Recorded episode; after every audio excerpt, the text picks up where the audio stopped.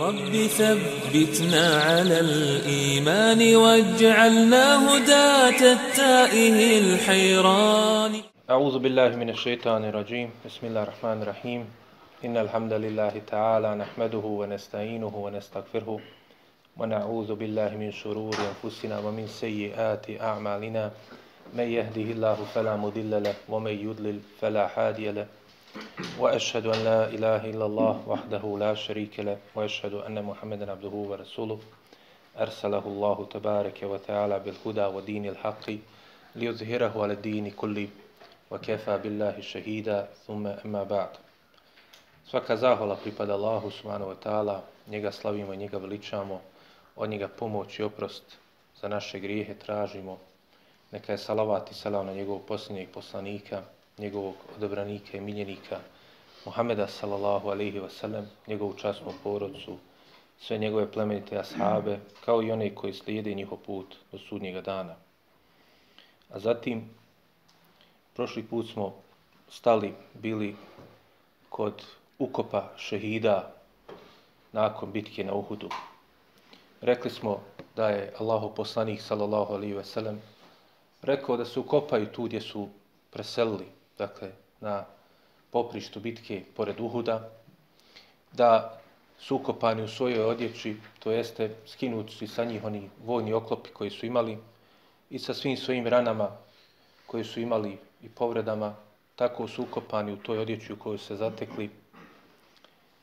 I da je ispravnije mišljenje da nije se klanjala dženaza nikome od njih, iako iz nekih predaja, dakle hadisa, došlo je dakle, da je poslanik sallallahu alaihi ve sellem nekima od njih, u nekim se spominje samo Hamzi ibn Abdul Talibu, u drugim predajama se spominje da je također i još nekim ashabima uz njega, uz, njih, uz njega klanjao dženazu. Pa kao što smo spomenuli, imam Tahavi koji je kao e, jedan od učenjaka Hanefijske pravne škole koji smatraju da je dozvoljno da se klanja dženaza i da treba da klanja se dženaza šehidima, on je e, zauzeo stav dakle, da je, se može spojiti između toga kako je jel, došlo u nekih hadisma da nije klanjao nekima, da je klanjao samo Hamzi, u nekima, još nekima uz njega od ashaba, da je to zbog toga što je poslanik sallallahu alaihi wasallam bio na dan Uhuda povrijeđen, da imao više rana i da je onda zbog gubitka i krvi i također umora bio nemoćan i nije imao snage da klanja ostalima dženazu. Dakle, to je jedno jel, od mišljenja, ali kao što smo rekli, provladavajuće mišljenje i ono što je bliže istini jeste da je dovoljno, kao što je rekao poslanik sallallahu alaihi ve sellem, on će njima biti dakle, svjedok na sudnje danu da su pali dakle, kao šehidi, a oni opet jel, kao šehidi su svojim životima posvjedočili šehadet la ilaha illallah Muhammedu Rasulullah, tako da nije, nije potrebno onda da, da im se klanja dodatno dženaza, da je to dovoljno za onoga koji je preselio na Allahom putu, da takav kako je preselio se ukopa, jer kao što je rekao poslanik sallallahu alaihi veselem u hadisu koji smo spominjali, da će i te rane da svjedoče za njih i da će one biti mirišljive, mirsa će mirisom miska na sudnjem danu, zato što su jedni pali na Allahom putu, branići Allahovu vjeru i nije, nisu bili jel, ubijeni, niti se borilo protiv njih, osim zato što su vjerovali Allaha i slijedili Allahov poslanika, sallallahu alaihi wasallam. Od čudnovati stvari koje se vežu za, te, za to mjesto gdje su ukopani, kao što smo rekli, Džaber ibn Abdullah je nakon šest mjeseci bio otkopao svog oca, pošto je, kao što smo spominjali, ukopan bio zajedno sa Amrom ibn Džemuhom, pa je želio da ga izdvoji u poseban kabur i onda kada je otkopo ga, a kao što smo rekli, i on imao rana na sebi bio je također masakriran, vidio je kao da je, kaže, tek ukopan. Dakle, svijetlio je čak šta više. Samo se malo promijenilo oko njegovih ušiju, koje su jel, ono što je ostalo od njih nakon što su izmasakrirali. Pa također se spominje da je kasnije u vremenu hilafeta Muavije ibn Ebi Sufjana radijallahu anhu, jel, sina od Ebu Sufjana koji je komandovao vojskom ovoj pici, vojskom mušrika, a kao što ćemo išala vidjeti i oni njegova dva sina i Muavije, Jezid ibn Abi Sufjan, su primili islam kasnije, nakon oslobođenja Mekke, Pa se spominje dakle, da je u njegovom dakle, hilafetu bila velika poplava. I tako da se slila voda sa Uhuda i da je onda poremetila dakle, te kabure. Pošto je to jel, pustinski teren, niti su oni imali snage da ih puno dakle, e, duboko ukopaju, a još su stavljali po dva ili trojicu, dvojicu ili trojicu jedna iznad drugih u kabur, onda su neki od njih se jel, tijela ukazala. Pa se spominje između ostalog jel, spominuti dakle, e, Abdullah ibn Haram, dakle, e, otac od Džabira, da je njegov, njegovo tijelo se ponovo sastavilo sa tijelom Amra ibn e, Džemuha. Zato, kao što smo rekli, što su oni bili veliki prijatelji na Dunjalku i u svome životu. I također bili su zajedno ukopani, kao što je preporučio poslanik sallallahu alejhi ve sellem zbog te njihove bliskosti. Pa iako ga je njegov sin odvojio u poseban kabur, nakon te poplave ponovo su se bili sastavili. Pa je, dakle, Muavije radijallahu anhu naredio svome namjesniku Medini, Mervanu ibn Hakemu, dakle, da se pobrine oko tih tijela. Pa se spominje, dakle, da je sam Džabir ibn Abdullah još neki da su, jel, tijela, dakle, ta ponovo E, dakle, ukopali, a onda je nakon nekog vremena iste te godine, dakle, to se sve desilo 46. godine po Hidžri, dakle, to je, jel, ako kažemo da je ova bitka bila treće godine, znači 43 godine nakon same bitke ovog događaja, i spominje se da su čak, jel, tijela od njih, kada su ih, dakle, prekopavali, ponovo ukopavali, da su vidjeli kao da su, kaže, tek ukopani bili. Dakle, zemlja ih nije pojela njihova tijela plemerita. Pa kaže se onda je nakon, nekoliko mjeseci nakon ove poplave e, desilo se da su otkrili jedan veliki izvor koji se nalazio tu u blizini. Dakle, u blizini brda Uhud, a opet na njegovom putu, putu dakle, tog e, dakle, bunara i e, smeto, sme, ometalo bi bunar, dakle, da su ostala i dalje tijela tu. Dakle, o, bio bi odmah bunar pored njih, pa je onda Muavija naredio dakle, da dođu sinovi ashaba, dakle, između ostali, jel, spomenuti Džabir, još neki drugi, od onih koji su, jel, više, dakle, nisu bili od sinova koji nisu zapamtili poslanika, sallallahu alaihi ve sellem, kao Džabiri, nisu bili ashabi, ali, dakle, bili su sinovi od ovih preselili a, ashaba, pa su oni onda pomirli, dakle, samo to mezarje, dakle, na ono mjesto gdje se ono i danas dan nalazi. Dakle, onaj ko imao priliku, ako nije, Allah lakša da jel, posjeti i Meku i Medinu, a od znamenitosti Mekke, od znamenitosti Medine jeste i brdo Uhud i dakle posjeta šehidima Uhuda. Dakle, tamo će vidjeti, dakle, na istom mjestu gdje su sada ukopani, oni su tu ukopani jel, još od ove 46. godine po Hidžri, dakle, malo su pomjereni od svog originalnog mjesta gdje su bili zbog tog bunara. A što se tiče tog bunara, spomnije se da je taj bunar sve do 1385. godine po Hidžri, dakle da je bio u funkciji, da je iz njega voda išla. Dakle, još od kako je Muavija naredio radijallahu anhu da se iskopa i da se muslimani koriste s njim, sve do 1385. godine, dakle, preko dakle, 13 hidžerskih stoljeća koristili su se muslimani od tog bunara, pa je, kaže, to dođe, jel, otprilike sredina 20. vijeka, neka 1965. 64. godina, dakle, prošlog e, stoljeća, e, onda je presušio taj izvor, pa su posle, jel, e, zakopali taj izvor i nema sad njegovih tragova zato što se bojali da neće, ne do Allah, neko upast u taj ostatak i tu rupu koja je ostala samo jel, od tog bunara. A on je, dakle, da sve do te godine trajao i muslimani se koristili sa njim. Nakon toga, dakle, Allahu poslanik, sallallahu alaihi ve sellem, kao što vidimo i u, drug, u hadisima koje smo već spominjali i slučajima pojedinačnih šehida bitke na Uhudu, videli smo veliku vrijednost koju oni imaju. Kako je poslanik, sallallahu alaihi ve sellem, pohvalio ih, kako je Allah uzvišeni povodom njih objavio ajete, da su oni živi, da oni nisu mrtvi, pa je objasnio u slučaju Abdullah ibn Harama, kako smo spomenuli, da je on, dakle, a i ostali ashabi da su, dakle, u dženetu njihove duše u e, kljunovima zelenih ptica kruže i uživaju i, dakle, uživaju u, u dženetskim blagodatima, a njihova tijela su, jel, tu ukopana. Dakle, to je velika blagodat i velika vrijednost za te, e, dakle, e, učesnike E, bitke na Uhudu koji su pali kao šehidi. Također ima Mahmed bilježi hadis gdje poslanik sallallahu alejhi ve sellem kaže u povodu vrijednosti šehida Uhuda da je kada je su spomenuti jednom prilikom kako to isto prenosi upravo spomenuti Džabir ibn Abdullah radijallahu anhuma da je poslanik sallallahu alejhi ve sellem rekao nakon što su mu spomenuti e, dakle šehidi Uhuda da je onda rekao kaže volio bi tako mi Allaha volio bi da kaže da sam ja s njima zajedno pao kao šehid dakle da sam pao kao šehid kod ovoga kod ovoga brda to je velika vrijednost i velika poča za njih, za njih i dokaz koliko je poslaniku sallallahu alejhi ve sellem su bili dragi, koliko je volio i cijenio zbog toga što su radili. A spomenuli smo da u tim, dakle među tim šehidima, da ih je bilo mnogo od onih koji su bili od prvih muslimana, da li iz, od, iz mekanskog perioda, jel, kao što smo rekli, spominje se da je njih nije bilo puno u osnovi, dakle, u nekim predajama se spominje da je samo šest muhađira bilo, ali dakle to su bili među najodabranijim muhađirima. Amidža Allahu poslanika Hamza, njegov tečić Abdullah ibn eh, uh, Đahš, uh, eh, Musab ibn Umeir, dakle jedni od najodabranijih.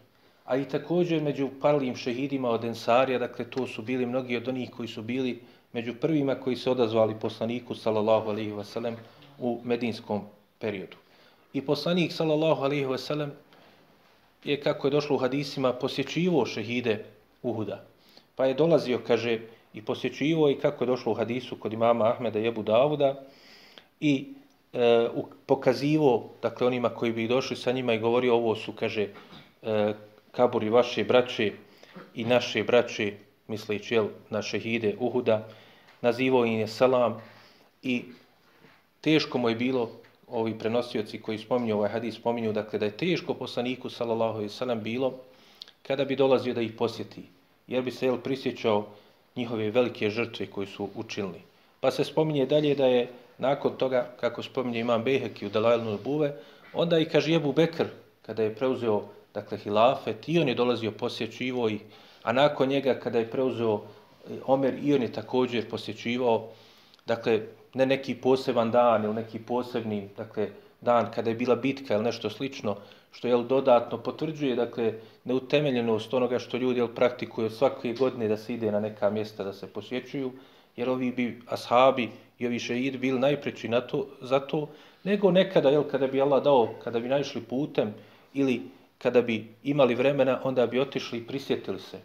Jer kao što znamo, poslanik sallallahu alejhi ve sellem je postakao muslimane da posjećuju kabur na ispravan način, a to je da se podsjeti na smrt, da se sjeti da će oni uskoro ući u te kabure i nastaniti ih, a i također da dove za te koji su u kaburima. Dakle, to jeste da upute dove Allahu uzvišenom da olakša onima koji su u kaburu i da ih jel, nagradi. A ovi ashabi, kao što vidimo, oni su imali jel, veliku nagradu, ali ashabi su želili dodatno da dove za njih zato što su jel, veliku žrtvu podnijeli na Allahom putu, a i također da se prisjete i da uzmu pouku iz toga što se njima desilo. Pa se spomni dakle da i Omer, pa posle i Osman radijela Hanu, da su znali doći i posjetiti ih. Što se tiče, kao što smo rekli, koliko je bilo tih šehida, dakle poznate su predaje koji govore da je bilo 70 ih. 70 jel, ubijeno je mušika na e, dan bitke na Bedru, a 70 na dan bitke na Uhudu muslimana je ubijeno. I da je to Allah uzvišen, jel, tako iskušao vjernike, uzeo neke od njih od šehida, neke očistio i tako dalje, kao što se spomnije u ajetima u suri Alu Imran, koja, koji govori o bitci na Uhudu. U nekim drugim hadisima se spomnije veći broj. Pa se skaže, dakle, u nekima da je bilo 72, u nekima 76. Dakle, kao što smo rekli, u ovim poznatim predajima se spominje da je većina je bilo densarija, samo šestorca od muhađira, a to su jel, spominuti Hamza, Abdullah ibn Đahš, Musa ibn Umeir, četvrti se spominje Šemas ibn Usman, peti je Sad el-Hauli koji je bio štićenik od Hatiba ibn Ebi Belte, kojeg ćemo kasnije vidjeti jel, i spominjati nakon u događajima oslobođenja Mekke, njegovo značajnje kazivanje, a koji je jedan od učesnika bitke na Bedru također. I šesti koji se spominje od muhađira je Amr el-Eslami. da su njih šestorca pali kao šehidi. Ali iz nekih drugih hadisa spominju se također dakle, neki ensarije. Pa kada su pokušavali neki učenjaci dakle, da sakupe sva ta imena šehida dakle, od ensarija, našli su dakle, da je broj nekada iz onoga izvora što se spominje ili biografija tih ensarija, gdje su preselili, kako su završili, našli su neki od učenjaka da je puno veći broj dakle, od 70. Pa je jedan od savremenih učenjaka koji je napisao e, studiju o čitoj bitci na Uhudu e, pod imenom Suleiman el-Aufi uspio da sabere biografije 108 ashaba koji su pali kao šehidi na Uhudu. Dakle, mimo ovih šest muhađira, onda jel, ostalih jel, 102 je bilo od Ensarija. Dakle, u svakom slučaju veliki broj je bio. I svi su oni ukopani bili dakle, na Uhudu i kao što ćete vidjeti, ili ko pogleda slike te koji imaju Uhuda e, i šehida Uhuda, ili koji posjeti to mjesto, vidjet će, dakle, nema nikakvih oznaka tu. Dakle, nema nikakvih dakle, nišana ili bilo šta drugo, nego su oni bili označeni samo jel, sa jednim običnim kamenom. I većinom su jel, ti tragovi izgubljeni sada. Pa zato je li teško reći, sad ne bi moglo se jel, da kaže neko pobrojat ćemo koliko ima tu kabura. Zato što su jel, i zbog tog pomjeranja tijela i zbog toga što jel, nije nikakvi oznaka po islamskih propisima ni predviđeno da se dižu, onda neće se na taj način moći utvrditi. Neki od njih, spominju se dvojica od Ensarija, da su ukopana u Medini, dakle da nisu na Uhudu. Jedan je, kaže, bio ranjen, pa je preselio kada se vratio kući, a drugi se spominje da je, dakle, e, njegovi, dakle, e, saplemenici i njegova porodca, da su ga odnijeli kući e, sa Uhuda i nisu čuli da je posaji, sallallahu alaihi wasallam, rekao da se tu ukopa. I zato je on ukopan, jel, negdje drugo u Medini. A, a trećeg za njega kažu jednog od tih jel, ensarija, spominje se u, u predajama da nisu ga našli. Njegova porodca ga je tražila na poprištu bitke, ali on je, Allah najbolje zna, bio toliko jel, izmasakrijan da na kraju njegovo tijelo nije ni na, nađeno.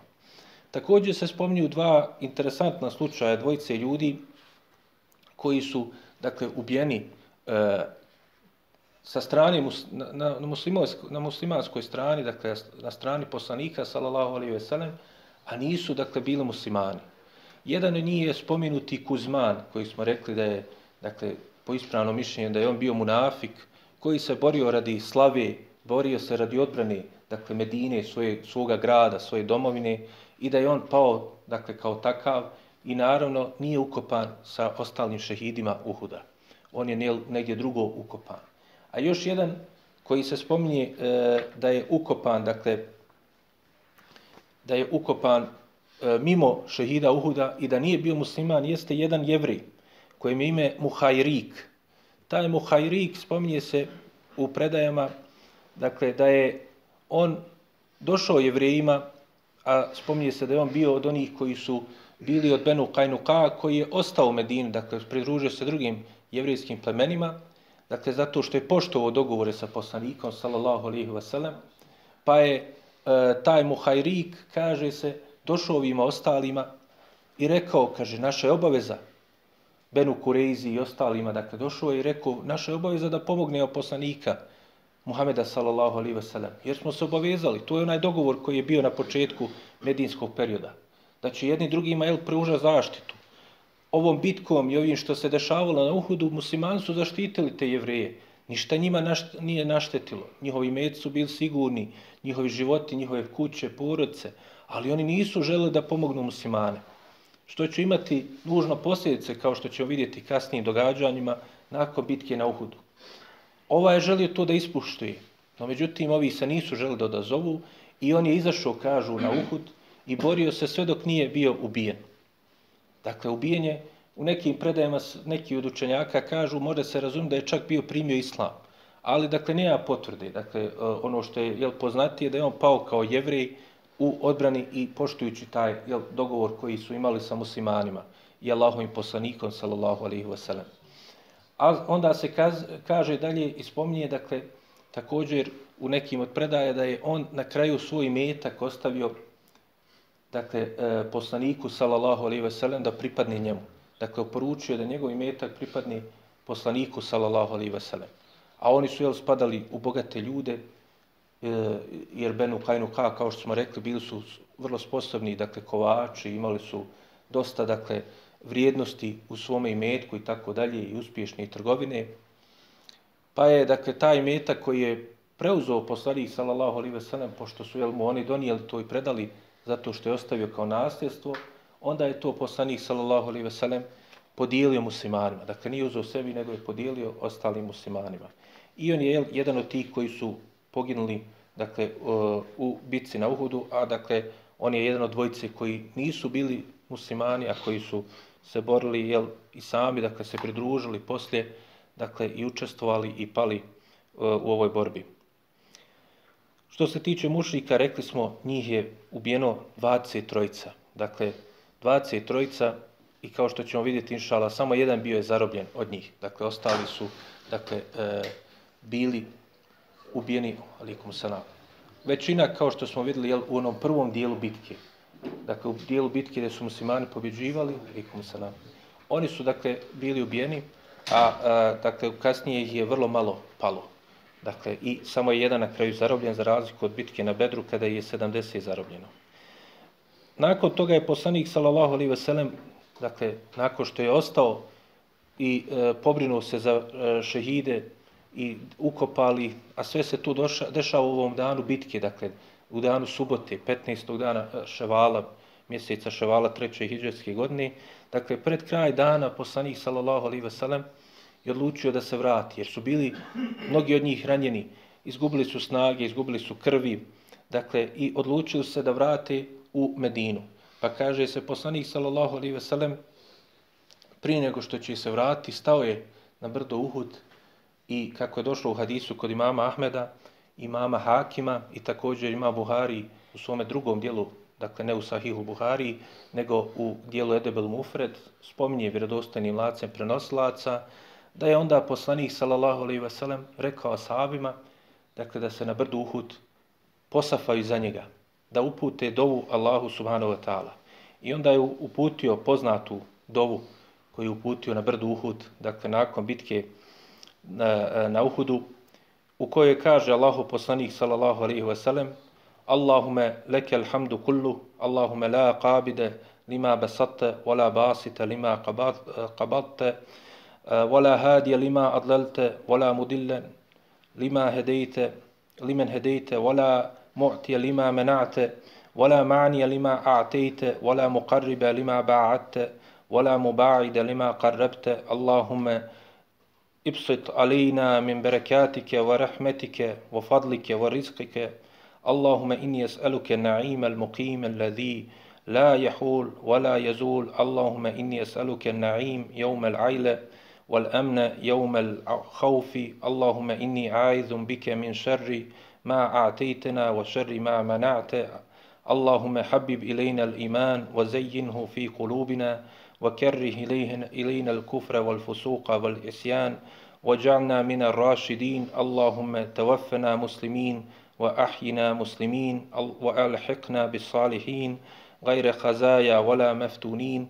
اللهم قاتل الكفرة الذين يكذبون رسلك ويسدون عن سبيلك. واجعل عليهم رجسك وعذابك اللهم قاتل الكفرة الذين أوتوا الكتاب إله الحق U prijevodu značenja ova prelijepa dova jel, koju ćete naći i u Edebul Mufredu, dakle, koji je preveden kod nas, i u dakle, knjigama Sirije spominje se dakle, ova čitava dova, e, Allahu poslanik sallallahu alejhi ve sellem kaže Allahu moj svaka zahvala pripada tebi Allahu nema onoga koji će uskrati ono što si ti dao niti da dadne ono što si ti uskratio niti da uputi onoga koga si ti u zabludi ostavio niti da u zabludu odvede onoga koga si ti uputio niti da e, dadne ono što ti si zabranio, niti da zabrani ono što si ti dao, niti da približi ono što si ti udaljio,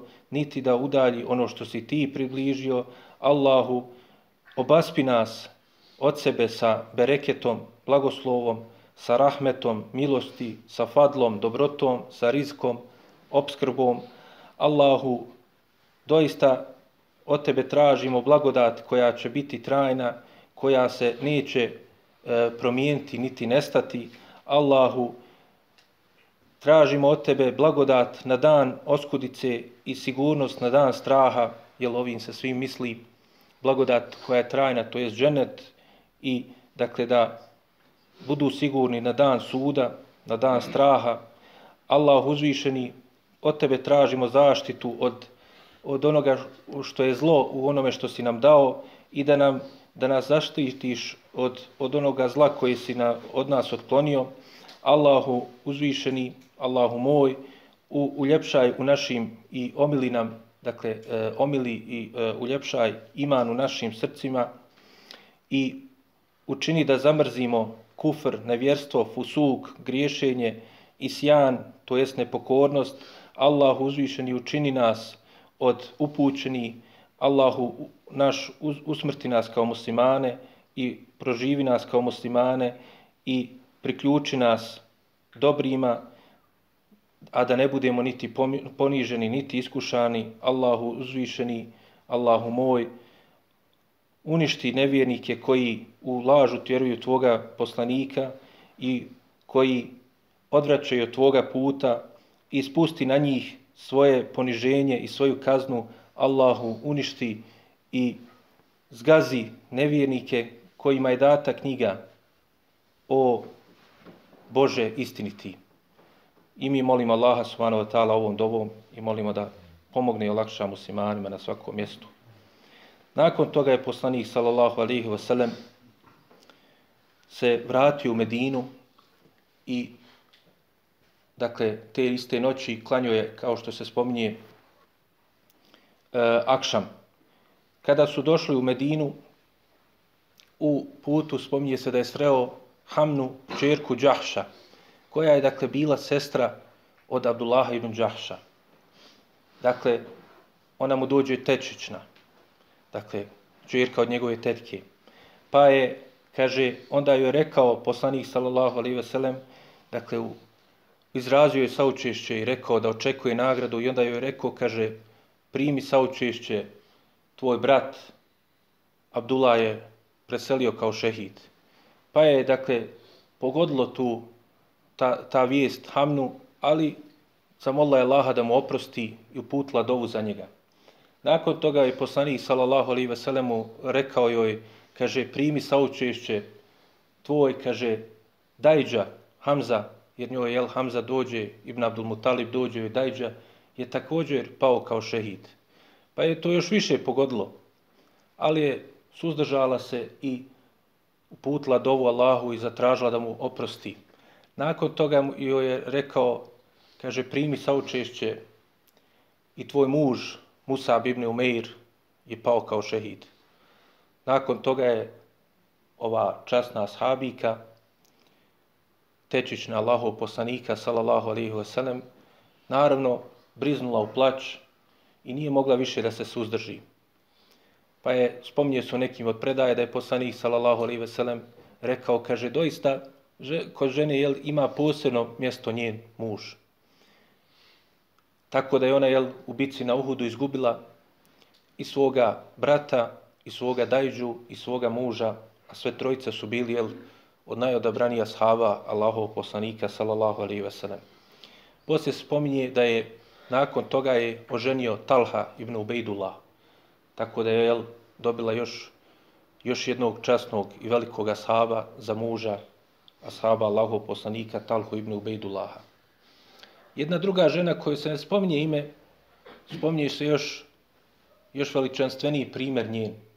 Pa se spominje, kaže se da je žena koja je bila iz porodce Benu Dinar, kaže došla poslaniku, odnosno došla joj vijest od ashaba i od ostalih učesnika da joj je u bici na Uhudu poginuo i njen otac i njen dajđa, a i također i, e, i njen brat dakle, njen otac, njen brat i njen muž. Dakle, još, još bliži rodio je poginuo i pao kao šehidi. I otac, i brat, i muž. Pa kada su joj prenijeli tu vijest, rekla je, a kaže, šta je bilo sa Allahov poslanika, sallallahu alihi wasallam? Pa kaže, kažu dalje u ovoj predaji, rekli su, on je onako kako ti voliš. Dakle, dobro je. I nije, nije dakle, nije, nisu ustvarili ono svoju namjeru mušici da ga ubiju. Ona je rekla, ja ga želim da vidim. Želila je da se svojim očima uvjeri. Pa kažu dalje, odveli su je da vide da vidi Allahov poslanika sallallahu alaihi ve sellem. A onda ona je rekla veličanstvene riječi. Jer rekla je, kaže, kada je ugledala Allahovog poslanika sallallahu alaihi wa a izgubila je svoga oca, izgubila je svoga brata, izgubila je svoga muža, rekla je, Allahov poslaniće, nakon tebe, nakon tebe svako, svako iskušenje je lako. Ako si ti dobro Allaho poslaniće, siguran, živ, svako drugo iskušenje i ono što me pogodilo jel, je puno lakše od toga.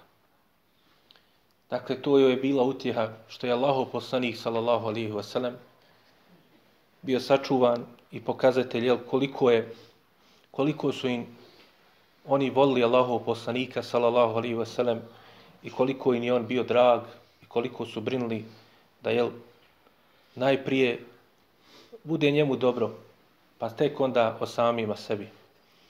Kako je došlo u ovoj predaji koju bilježi Ibnu Ishak i također ima Bejhek i u Dalajlu Nubuve.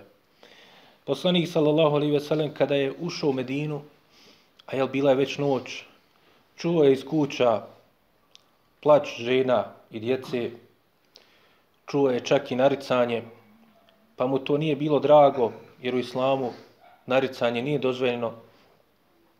I onda je dovio Allahu za njihove, dakle, ubijene, za šehide koji su pali, a također je kao što je došlo u hadisima, dakle, da je upozorio, dakle, da ne rade to i da, dakle, zabrane im, dakle, da nariču, jer kao što je došlo u hadisima da je poslanik sallallahu alejhi ve sellem rekao dakle da je od stvari koji će ostati u ovom umetu iako jel, nisu pohvalne nego su one zabranjene ali od tih stvari džahilijeta dakle neislamskih jel načina obhođenja, što je potvrda uopćento da je moguće da kod muslimana bude nekih dakle e, stvari koje nisu e, ne priliče da, da radi, a pripadaju jel, od nekih paganski običaj ili običaja naroda koji su uveli neke stvari sa kojima Allah uzvišen nije zadovoljan, dakle jedna od tih je i to naricanje.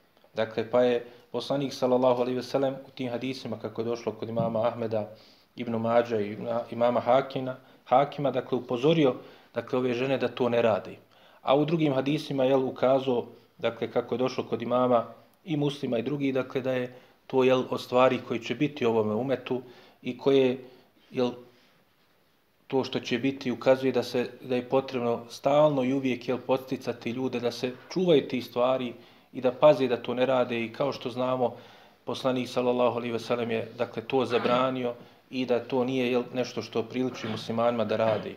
Ali dakle nekada ljudi od žestine iskušenja koje ga zadesi ne znaju se jel sačuvati i ne osabure. A kao što smo rekli ova bitka i njene najveće poruke su bile upravo dakle, lekcije sabura, strpljivosti i bogobojaznosti, zato što jel, vidimo kakva su iskušenja zadesila i kada su to čuli od poslanika, sallallahu alaihi ve sellem, onda su se jel, ubrzo svi smirili i dakle, prihvatili su dakle, Allahu odredbu da je to tako kako se desilo i zadovoljni su bili sa Allahovom odredbom. Allahu poslanik sallallahu alejhi ve sellem je nakon toga naredio da se čuva Medina, jer nisu bili oni poslao dakle izvidnice, izviđače koji će skupljati informacije, poslove svoje špijune da vide i prate da li će eventualno Ebu Sufjan sa vojskom, dakle sa neke druge strane iskoristiti neki manevar i onda ponovo iznenada napusti, napasti muslimane. Pa spominje se u Tabakat ibn Sa'ad, dakle da je poslanik sallallahu alaihi wa sallam ashabima koji su kao što smo rekli, bili ranjeni neki od njih. Mnogi od njih su bili ranjeni, od tih koji su preživili. Dakle, koji nisu pali kao šehidi, ali mnogi su bili ranjeni. A i također su bili jako umorni. Ostali su, jel, da čuvaju stražu i da e, čuvaju Medinu na svim njenim prilazima, dakle, da ne bi slučajno došli, e, dakle, mušici i ponovo napali. Pa jedna od tih izvodnica, ne spominje se koja tačno, došla je sa informacijom da je vidla da su, dakle, mušici doista odlučili, dakle, da ponovo pokušaju da napadnu. I zato, dakle, to je ta zadnja faza same bitke. Dakle, ovo što se vratili sa Uhuda, to što se desilo na Uhudu, to nije bio kraj bitke. To je bila samo druga faza. Prva u kojoj su muslimani pobjedili, druga u kojoj su bili poraženi, imali velike gubitke, ali sada treća i zadnja faza se dešava u bitci koja će biti poznata kao bitka Hamraul Esed. To jeste jel, bitka kod mjesta Hamraul Esed u blizini Medine.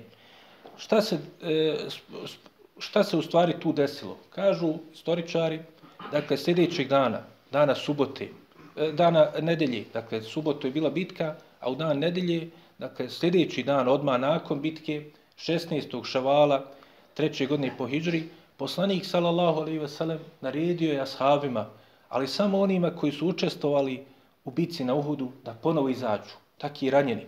I on sam, sallallahu alaihi veselem, ranjen, povrijeđen, umoran, jedva hoda i naredio je ostalim ashabima, samo koji su učestvovali da također jel, izađu i da krenu prema, dakle, da se susretnu sa mušičkom vojskom. Spominje se, dakle, da je povod tome bilo, dakle, ta jedna izvidnica koja je vidla da su Ebu Sufjan i njegova vojska u mjestu Rauha, koja je malo jel, dalja od tog mjesta Hamraul Esed, dakle malo dalje na putu prema Meki, ali dakle opet vrlo blizu Medine, zastali i odlučili dakle da se vrate. Dakle skupili su informacije došli su poslaniku sallallahu alejhi ve sellem sa informacijama da su oni želeli da se vrate. Tu je kaže se da je kako je došlo u predaji kod imama Nesaija u Sunenu Kubra, kaže tu je Ebu Sufjan održao govor mušicima i rekao, kaže, niti ste, kaže, ubili Muhameda, sallallahu alaihi ve sellem, što je bio glavni cilj, što je pokazate da nisu pobjedili u onome dijelu i ni ostvarili ono što je, oni su sami nanijeli štete i gubitaka muslimanima, ali istinsku pobjedu nisu bili ni u tom drugom dijelu ostvarili. Kaže, niti ste to proslavili, niti se, niste se napeli, kao što su jel govorili na Bedru, da će doći poraziti ili da će doći i napiti se i proslaviti e, dakle, napraviti slavlje, veselje, muziku, poveli sa sobom e, pjevaljke, ple, e, dakle, plesačice, da oni proslavi, a muslimani neće smjeti da dođu. I također i ovdje, jel, očekivano je bilo da tako uradi, da se, jel, napiju nakon bitke, da to proslave, a u stvari oni se povukli. Be, čak u početku i ne znajući šta je bilo sa Muhameda, sallallahu alaihi ve sellem, i najuglednija sahaba, kasnije su, jel, kao što smo videli iz razgovora Ebu Sufjana i Omera radijallahu anhu, utvrdili dakle, da su oni svi živi. Pa kaže, niste ostvarili što ste trebali, zato trebate, jel, time je postako da ovaj se vrati.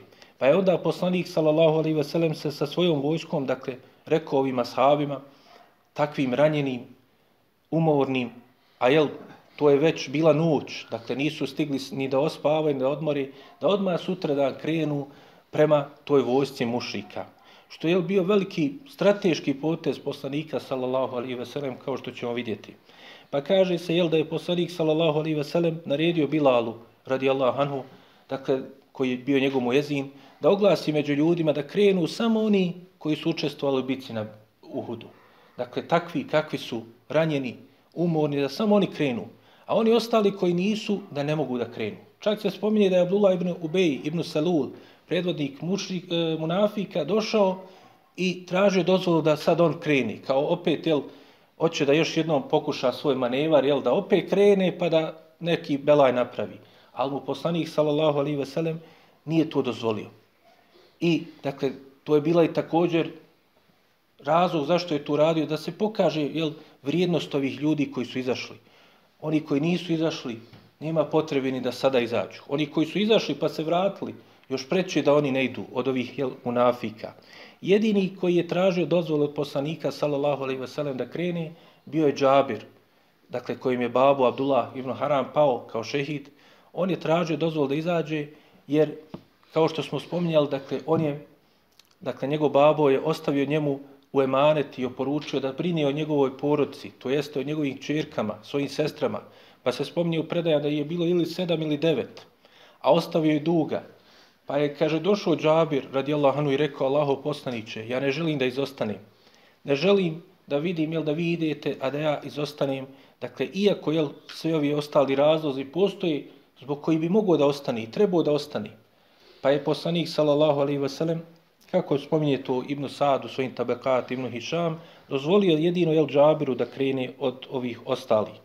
I krenuli su samo, dakle, oni koji su bili sa poslanikom, sallallahu alaihi sellem na Uhudu.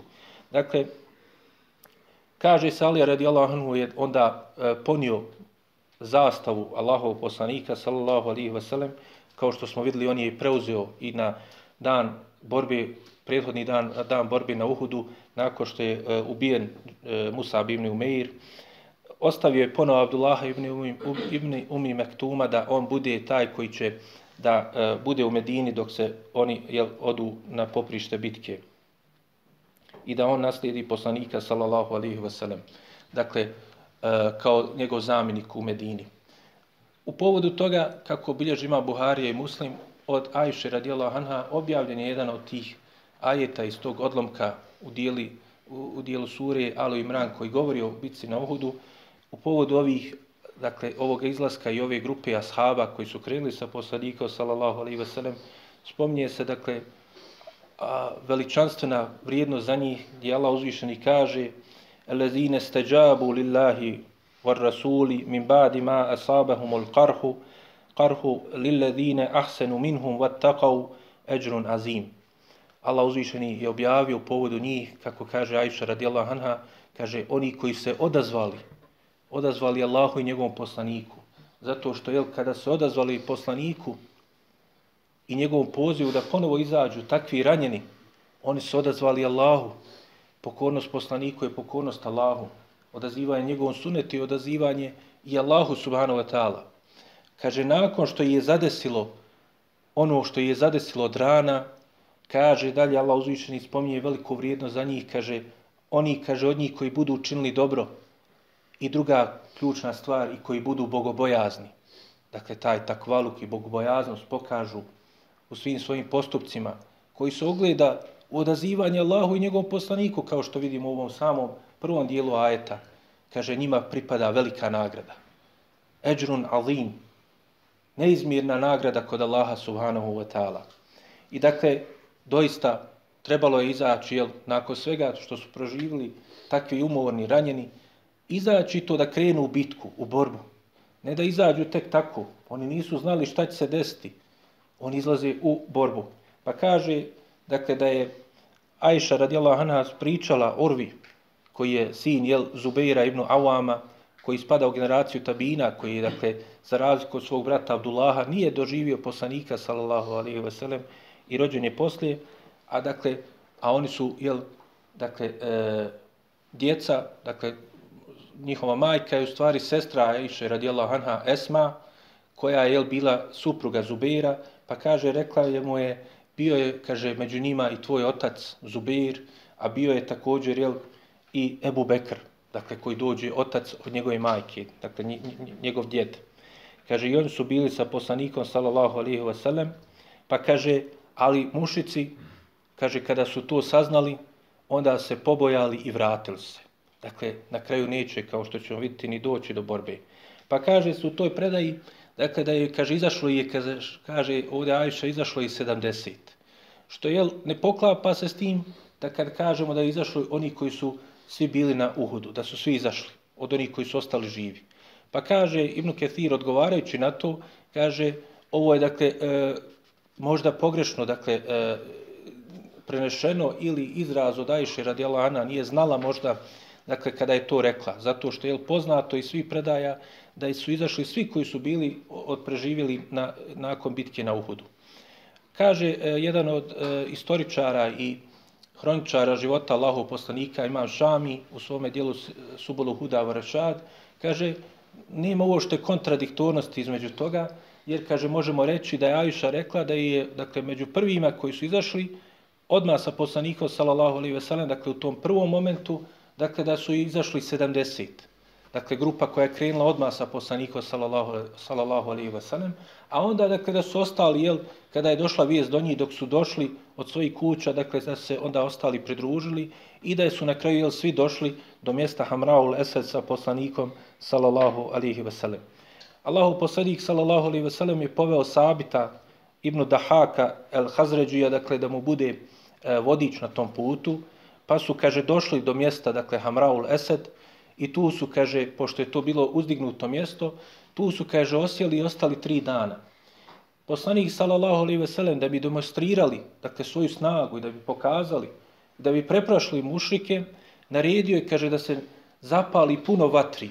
Dakle to je noć, kao što smo rekli, dakle to je noć sa subote na nedelju i da se zapali puno vatri da se mogu vidjeti iz dakle iz daljine. I onda je kaže e, ocio tu poslanik sallallahu alihi ve sellem. Što vidimo je kako je on opet preduzimo uzroke. On je znao kakvom su oni stanju ali dakle nisu želi da se povuku, ali nije značilo da će jel da srljaju po svaku cijenu, dakle da dođe do njihovog jel e, uništenja ili tako dalje. Nego su jel strateški koristio se vojnim varkama da bi tu jel pokazao svoju snagu, da bi jel na kraju e, na taj način jel porazio mušike i unio i ulio u njih strava, pa čak i ako dođe do borbe, jel, oni će biti prestrašeni, neće znati šta ih čeka. A čekalo ih, jel, izranjavana umorna vojska koja je e, se još nije nimalo oporavila od onoga što se desilo dan e, prije. Tu je, kaže, na Hamrao Lesad poslanik sallallahu alaihi sellem vidio čovjeka kojim ime Ma'bed ibn Abi Ma'bed ibn Abi Ma'bed el Huzai. Pleme Huzai, dakle, oni i od muslimana koji su primili islam među njima, a i oni koji nisu, su podržavali Allahov poslanika sallallahu alaihi sellem i sklopili su save sa njim i pomagali su ga i štitili dakle, te puteve oko Medine.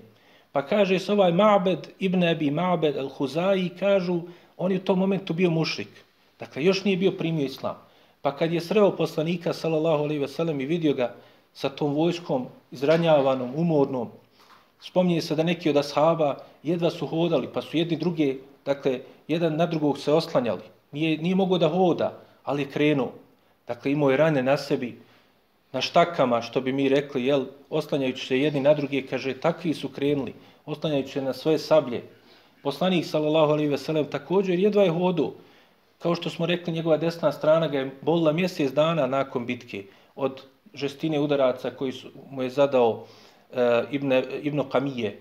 I također oni drugi koji su ga jel, povrijedili, rane su još nisu zaraste na njemu, dakle samo su bile, jel, e, prestala je krv da teče iz njegovih rana.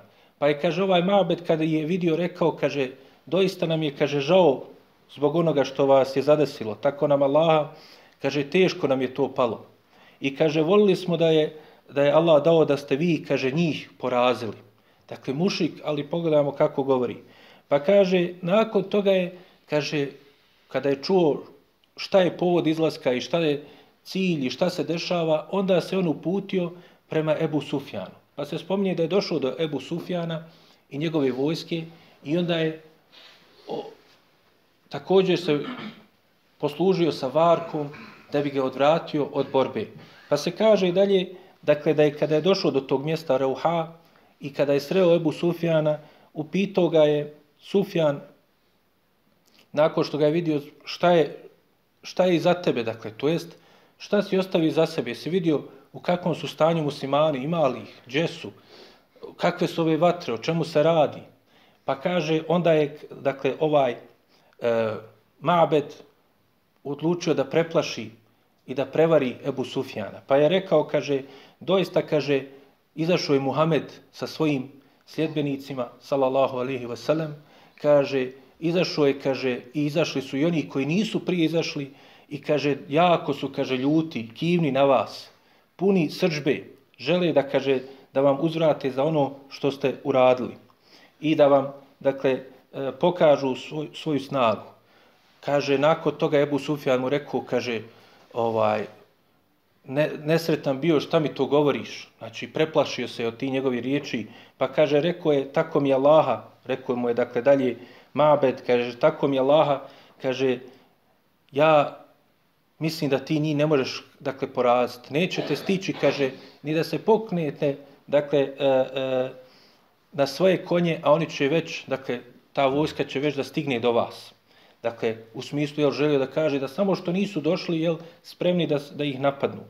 Pa kaže, oni se, tako mi je, kaže, ovaj, Ebu Sufjan je njemu rekao, kaže, tako mi je lava, mi smo se skupili, kaže, želimo da im se sad, dakle, da ih potpunosti uništimo. Kaže, do, sad želimo da se vratimo, da ih uništimo. Pa kaže, nakon toga mu je Mabed rekao, kaže, ja vam to, kaže, neću dozvoliti. Drugim riječima, jel, i mi ćemo se uključiti da vas priječimo u tome sa svojim plemenom, koji su, jel, kao što smo rekli, pleme Huzaji bilo u savezništu sa poslanikom, sallallahu alihi veselem. Nakon toga je, kaže, Ebu Sufjan odlučio da sa vojskom svojom se ipak vrati i požurili su, kaže, da napuste to mjesto Rauha, bojeći se, jel, da i ne stigne ta vojska, kaže, i otišli su, dakle, eh, i uputili prema Mekki. U putu su sreli, kaže, jednu karavanu iz plemena Abdul Kais, koja je išla radi trgovine u Medinu. Pitali su i šta, gdje ste krenuli, pitao je Ebu Sufjan. Oni su rekli, kaže, krenuli smo da kupimo neke hrane u Medini. Pošto je, kao što smo rekli, Medina imala je datula, imala je plodne zemlje, imale su stoke i tako dalje, pa su ovi želi da kupe to kod njih. Dakle, imali su potrebe. Pa je, kaže, rekao i na to Ebu Sufjan, kaže, ja ću vam, kaže, doista na poznato, jel, e, dakle, pijaci Ukaz, koja se nalazi, nalazila tada u blizini Mekke, kaže, spremit ću vam hrane, dakle, sušenih, dakle, e, sušenih e, grožđica i tako dalje, kaže, i ako prenesete jednu, dakle, vijest od nas, Allahovom poslaniku, to jest, jel, u njegovim riječima, Muhammedu, sallallahu alihi wasallam, pa kaže, čekat će vas ta nagrada ako to ispunite. I ovi su pristali. Pa je rekao, kaže, poručite Muhammedu, sallallahu alihi wasallam, i onima koji sa njima, da se, kaže, ljudi skupili i okupili sad još jaču vojsku i da se uputili prema vama, želijeći da vas jel, unište, da vas sve pobiju. I kažu, ovi su iz dakle, tog, E, e, dakle, te karavane, to isreli poslanika, sallallahu alaihi ve sellem, dakle, u mjestu Hamraul Lesed i prenijeli mu poruku od Ebu Sufjana. Poslanikove, sallallahu alaihi ve sellem, riječi kao odgovor na to su bili hasbun Allah wa ni'mal vakil. Dovoljan nam je Allah, a on je divan zaštitnik. Pa kaže se, nakon toga je objavljeni su sljedeći ajeti koji se nadovezuju na onaj prethodno spominuti ajet o njihovom izlasku, u kojem se kaže dalje, dakle to je 70, ono je 172, a ovo je 173. ajet u kojem se kaže Alladine qala lahum nas inna an-nas qad jama'u lakum fakhshawhum fazadahum imanan wa qalu hasbunallahu wa ni'mal wakeel kaže se, Allah uzvišeni prenosi šta se tu desilo i šta su odgovorili muslimani i šta su ovi rekli. Kaže, oni kojima je rečeno, dakle, to su ti oni isti koji se odazvali Allahu i njegovom poslaniku, dakle, i kojima pripada velika nagrada.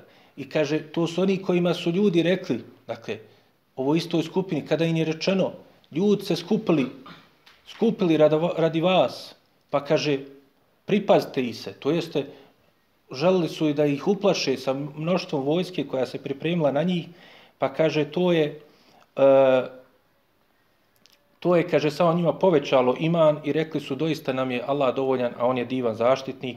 I dalje Allah uzvišen kaže فَنْقَلَبُوا بِنِعْمَةٍ bi ni'mati min Allahi wa fadlin lam yamsashum su'un wattaba'u ridwan Allahi wallahu zu fadlin azim. Kaže i onda se oni vratili kaže e, svo, sa blagodatima od svoga gospodara i sa e, dakle, dobro, dobrotom od njega i kaže nije ih ništa zadesilo i kaže oni su slijedili Allahovo zadovoljstvo a Allah daje, kaže, neizmjerno daje i dalje Allah uzvišeni kaže u 175. ajetu inneme zalikumu šeitanu juhavifu aulijae fela te hafuhum va hafuni in kuntum mu'minin. Dakle, Allah uzvišeni dalje spominje veliku poruku i nama svima kaže doista je to, kaže šeitan, koji vaš, kaže, plaši sa svojim sljedbenicima, sa svojim vojskama. Pa kaže, nemojte ga se bojati, nemojte se njih bojati, nego se bojite mene ako ste vi doista vjernici. I doista je tako i bilo. Poslanik sallallahu alejhi ve sellem je ostao dakle tri dana dakle na Hamraul Esad, niko se nije pojavio naravno i onda su se kao pobjednici vratili dakle u e, vratili se u Medinu. Spominje se također da su jedinog tu, tom prilikom, dakle, zarobili Ebul Azeta, e, koji je, kao što smo spominjali, El Džumehi, bio od onih zarobljenika koji je, dakle, svoje blagodati i milosti poslanih, sallallahu alaihi veselem, ga pustio nakon bitke na Bedru, ali uz obećanje da se neće boriti protiv muslimana i da neće ponovo dakle, se suprostavljati e, muslimanima i pomagati dakle, nevinike u borbi protiv muslimana, pa kaže se, on je opet došao, pa je poslanik sallallahu kada on ponovo tražio da ga pusti, rekao mu, dakle, da, dakle, muslima, da neće dozvoliti dakle, da ga dva put dakle, e, prevari i da poslije kaže kako je prevario dva put Allahov poslanika. I u tom pogledu se spominje da je to ulazi u značenje poznatog hadisa e, koji je kod Buhari i muslima, dakle, iako dakle, ne spominje se ovaj slučaj, da je poslanik sa strana rekao da vjernika ne smije dakle, zmije da ujede dva put iz iste rupe. I kaže, naredio je Zubeiru ili Asimu ibn Sabitu da dakle, e, pogubi ovog dakle, e, mušika koji je na taj način prevario poslanika sallallahu alejhi ve sellem i ponovo došao se borio i čak bio pjesnik od onih koji su jel pozivali i posticao ljude na borbu protiv muslimana. Ovdje ćemo ići Allah stati, molići Allah subhanahu wa ta'ala da nam se smili i oprosti grijehe i pomogne i nama i svim muslimana na svakom mjestu i odagna od nas spletke nevjernika. Amin. سبحانك اللهم وبحمدك اشهد ان لا اله الا انت استغفرك يا رب ثبتنا على الايمان واجعلنا هداة التائه الحيران